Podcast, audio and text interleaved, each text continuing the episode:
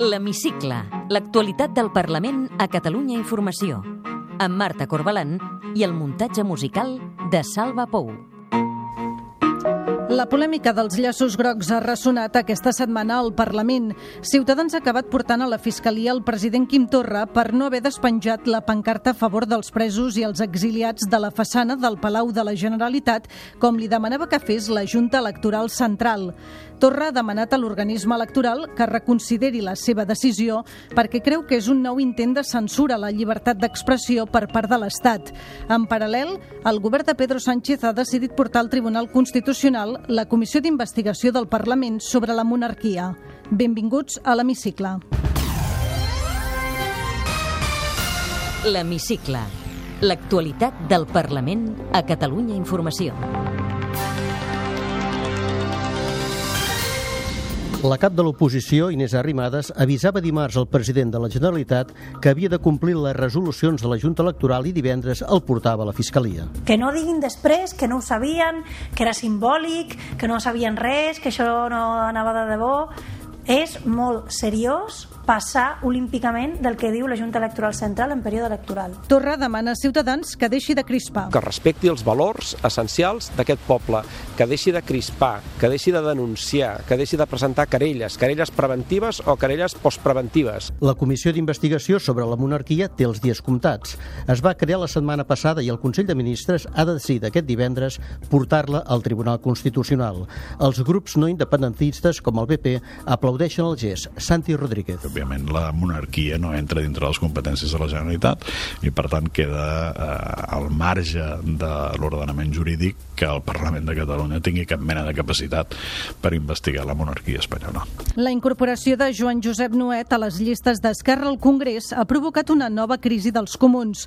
La presidenta de Catalunya en Comú Podem, Jessica Albiach, ha anunciat que se l'expulsa del grup. La decisió ha sigut unànim per part de tots els diputats i les diputades que formen part del grup parlamentari. Avui, a l'espai de reportatges Les cares anònimes del Parlament, coneixerem... Soc Loli Fernández, soc uixera de Serveis Generals. I avui ens contestarà en una frase el qüestionari de l'hemicicle. Santi Rodríguez, diputat del Partit Popular al Parlament de Catalunya.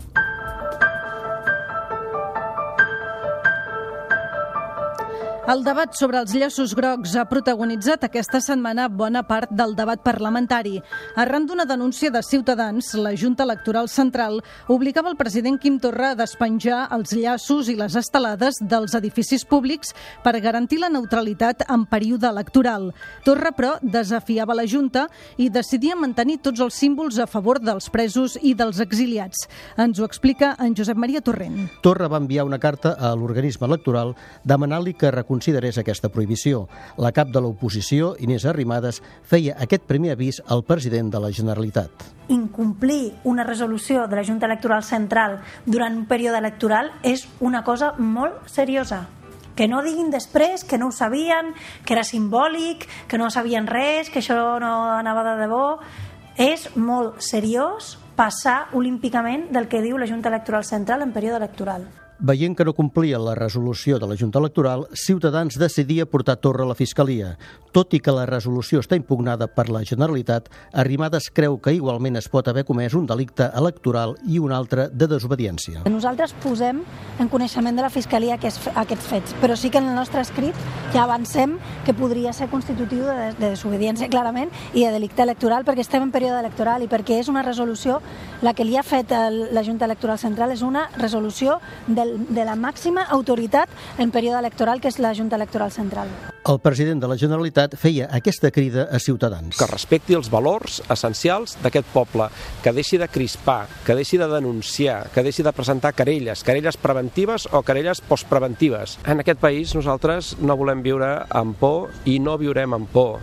La socialista Eva Granados i Santi Rodríguez del PP demanaven al govern que compleixi les resolucions. Nosaltres respectem aquesta, aquesta resolució de la Junta Electoral Central i volem també que aquests espais, aquestes institucions públiques siguin eh, espais neutrals. Jo crec que el que tenen que fer més que presentar recursos o que marejar la perdiu és complir les decisions judicials. En un estat democràtic i de dret és el, el que acostuma a passar, que s'han de complir doncs, les decisions d'aquells que els mateixos polítics hem decidit que siguin els àrbitres de les relacions ciutadanes. Des dels comuns, Marta Ribas evitava valorar si cal o no despenjar els llaços i preferia posar l'èmfasi en la necessitat que se segueixi batallant per la llibertat dels presos i dels exiliats. Per nosaltres l'element de fons és l'important, no pas el simbòlic dels llaços. Nosaltres seguirem batallant perquè no hi hagi presos, perquè no hi hagi preses, perquè aquest tema es, es resolgui políticament i creiem que això es fa anant a les eleccions i anant després al Congrés dels Diputats a fer política. Des de les files independentistes, el diputat de la CUP, Carles Riera, demanava al govern que no despengés cap llaç i la diputada d'Esquerra, Jen Díaz, carregava contra Ciutadans. Demanem al govern de la Generalitat que no obeeixi, perquè això seria acceptar la raó de la força per sobre de la llibertat d'expressió. Si la seva proposta és la de confrontar, la de perseguir logos i tuits i la de fer 1.500 quilòmetres per trobar una porta oberta i no entrar-hi, ja els anunciem que nosaltres seguirem preocupant-nos pel bon govern en els temes socials i instant el govern a fer control adient en l'ús de la comunicació com s'ha vingut fent. La Junta Electoral es reunirà dilluns per decidir si obre un expedient a Torre. La comissió d'investigació sobre la monarquia no podrà segurament ni començar els seus treballs. La setmana passada es va aprovar la seva creació, però el govern de Pedro Sánchez ja l'ha portada al Tribunal Constitucional perquè sosté que està fora de l'àmbit competencial de Catalunya. El president Quim Torra lamentava la decisió del govern espanyol. És aquí on hem de fer la política, no l'hem de fer els jutjats i els tribunals. No l'ha de fer el president d'Espanya enviant la comissió d'investigació de la monarquia al Tribunal Constitucional. És que es passen la vida judicialitzant el que nosaltres debatem i, i democràticament decidim en el Parlament de Catalunya. En canvi, els grups que no van votar a favor de la comissió troben lògic que es porti al Constitucional. Sentim el diputat del PP, Santi Rodríguez. Òbviament, la monarquia no entra dintre les competències de la Generalitat i, per tant, queda eh, al marge de l'ordenament jurídic que el Parlament de Catalunya tingui cap mena de capacitat per investigar la monarquia espanyola. A l'octubre, el govern de Sánchez també va recórrer contra la reprovació del rei que va aprovar el Parlament. I aquesta setmana han comparegut al Parlament diferents consellers. Dimecres ho feia el conseller Shakir El Homrani davant la Comissió de Treball, Afers Socials i Famílies per parlar de la renda garantida de ciutadania.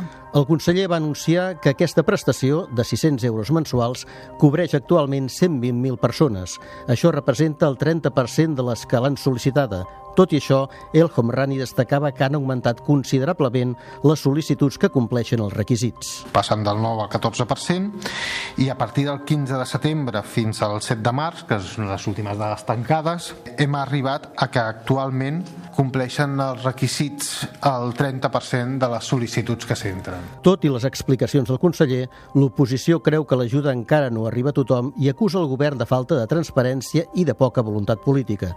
Sentim Raúl Moreno del PSC i Marta Ribes de Catalunya en Comú Podem. Continuen existint denegacions poc justificades, persones que triguen mesos en la tramitació, que els hi requereixen documentació per duplicat, que allarguen els terminis.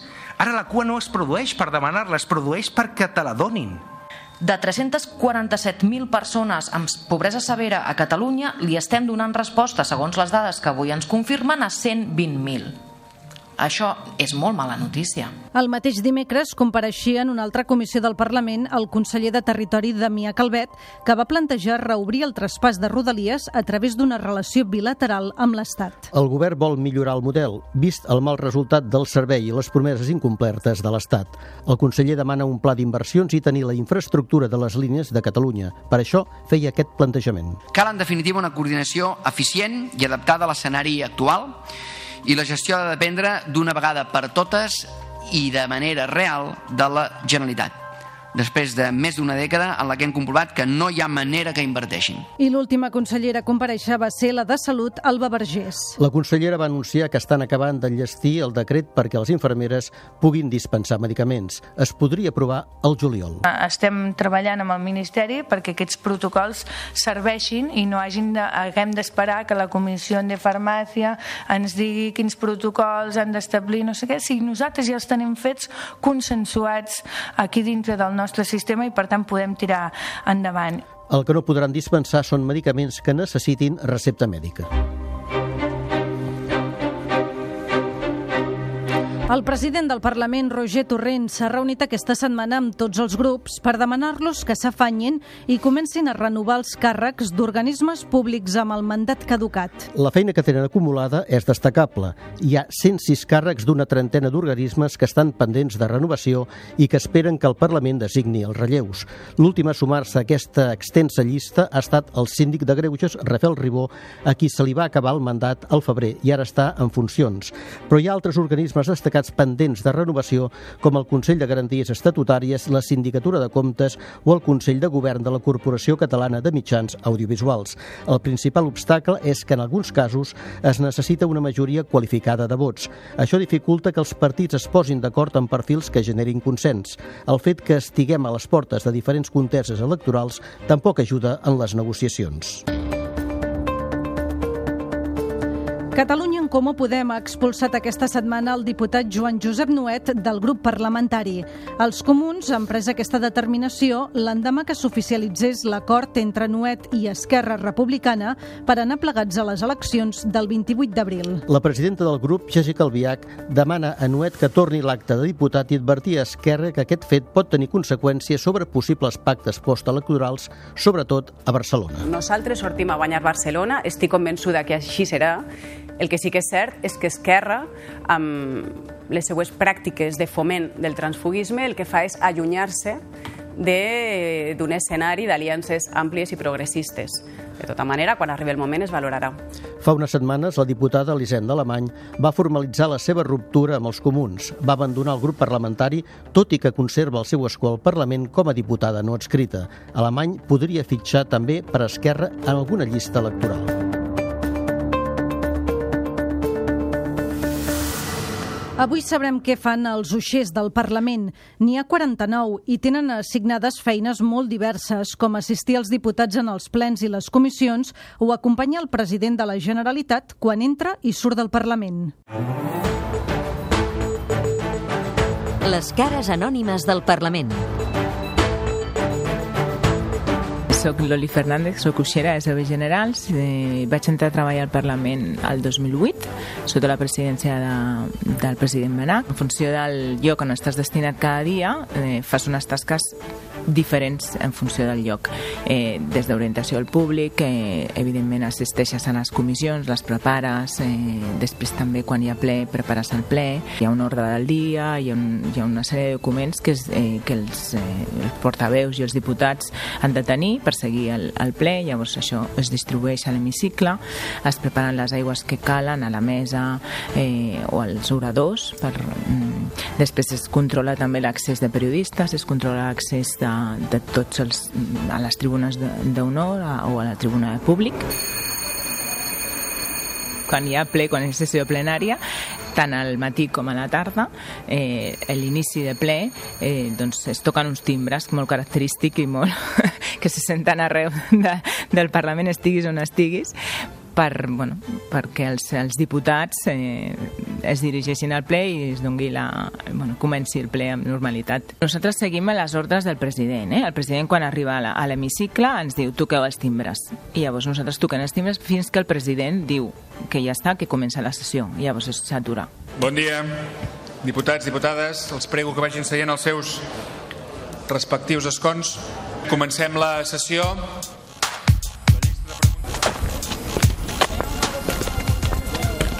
En el cas del president de la Generalitat, quan entra i quan surt eh, se li acompanya quan entra i quan surt del Palau. Bona tarda. Eh, també s'avisa a, a, a través d'uns un, timbres perquè tothom que estigui a dins del Parlament sàpiga si entra o surt el, el president. Eh, i se l'atén si la secretària del president ens diu qualsevol cosa que se li ha de posar al ple o el que sigui, doncs eh, fem tot allò que, que sigui necessari. En el cas del president del Parlament, eh, sé, jo no, no estava aquí treballant, però sé que anteriorment sí que se l'acompanyava dins del, de les estances de, del, del Parlament, però ara ja no se l'acompanya. Eh, fins i tot des de que va estar el president de la senyora Forcadell, tampoc s'ha avisat de l'arribada l'arribada ni de la sortida del president. això jo crec que va marcar un punt d'inflexió, perquè abans era com molt més rígid, més, molt més protocolari, i ara potser va haver un punt d'inflexió de dir és, és una persona més propera i més normal, diguéssim, no? Les darreres situacions polítiques que, que s'han donat, com que són molt mediàtiques, doncs sí que és cert que ha incrementat moltíssim el volum de, de periodistes que estan interessats en, en aquests temes i, clar, a, a nivell de control de la, de la nostra plantilla, control de tothom, eh, a vegades s'han hagut de posar mecanismes que abans no existien. Jo crec que treballar d'uixer amb l'ADN, quan et poses el, el vestit d'uixer, la discreció va, és, és implícita. Nosaltres estem a llocs que a lo millor sense alguna cosa que dius, això no havia de sentir, però tampoc surt d'aquí, no? Vull dir, som molt, molt, molt discrets.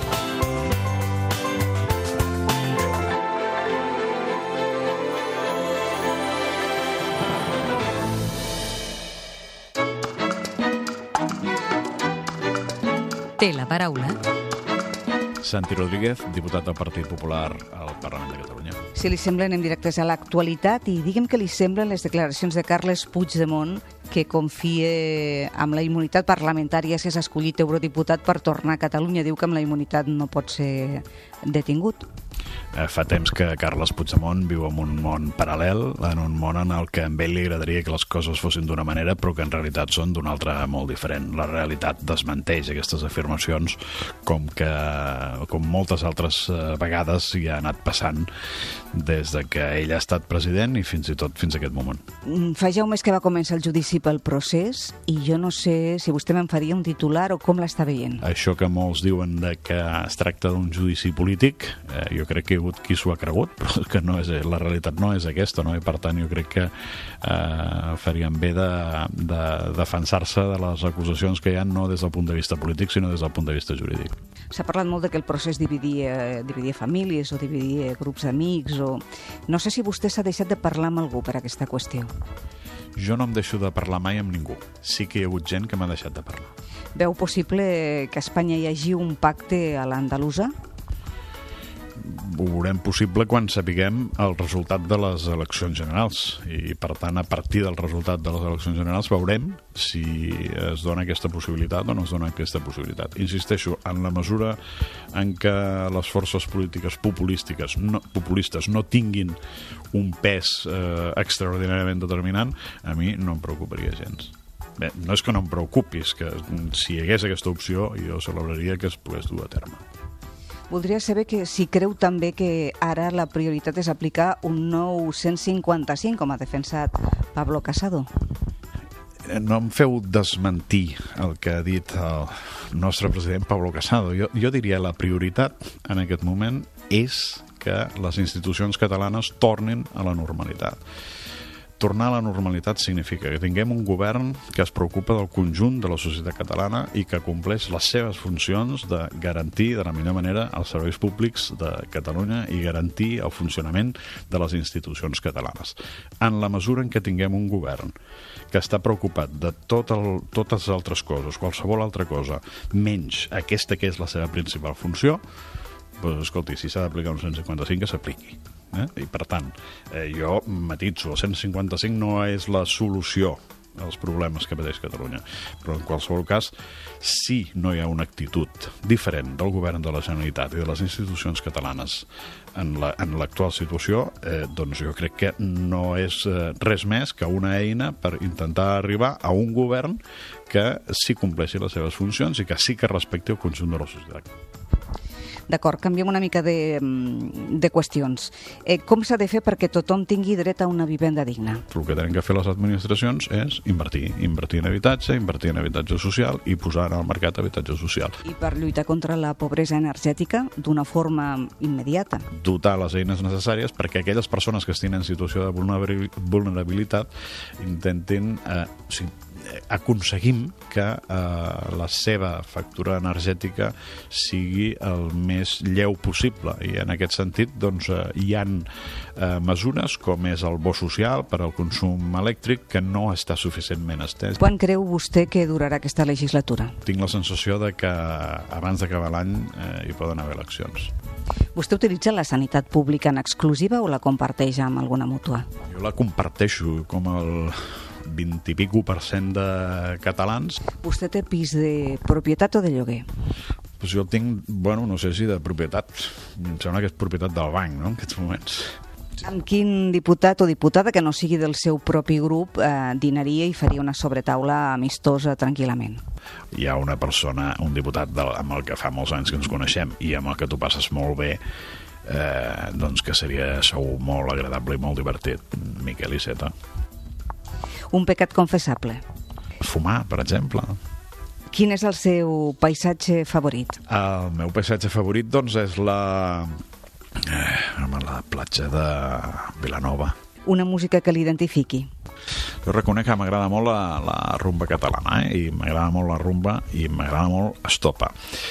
I Estopa té una cançó preciosa amb Joan Manuel Serrat. Eh? És una combinació fantàstica, però que, a més a més, eh, jo crec que reflecteix molt eh, com és la societat catalana. Quins hobbies té? Col·lecciono qualsevol cosa que, que em cau a les mans i que en tinc dos o tres. Candidatures d'eleccions. Tinc totes les candidatures de les eleccions que s'han celebrat des del restabliment de la democràcia a Vilanova. Eh? Totes les, les conservo totes. El col·leccionisme és una cosa que m'agrada. Té algun llibre de capçalera, algun llibre que vostè recomanaria o no és lector?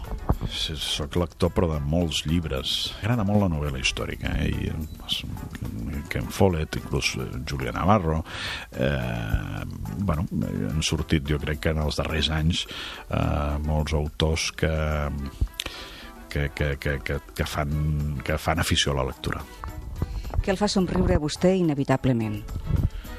no puc negar que hi hagués un determinat moment en què determinats plantejaments polítics em fessin somriure, no? però jo crec que, vist el que ha anat passant al llarg dels anys, ja no fan tant, no fan tant somriure.